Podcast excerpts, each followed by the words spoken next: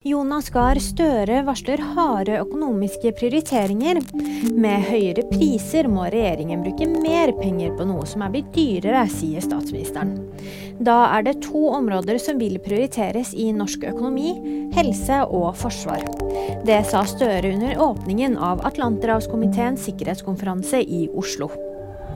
Kong Harald er tilbake på jobb. Kongen var i forrige uke sykmeldt med en luftveisinfeksjon. Kronprins Haakon steppet inn som vikar de dagene. Taylor Swift er blitt historisk. Under nattens Grammy-utdeling vant hun årets album for Midnights.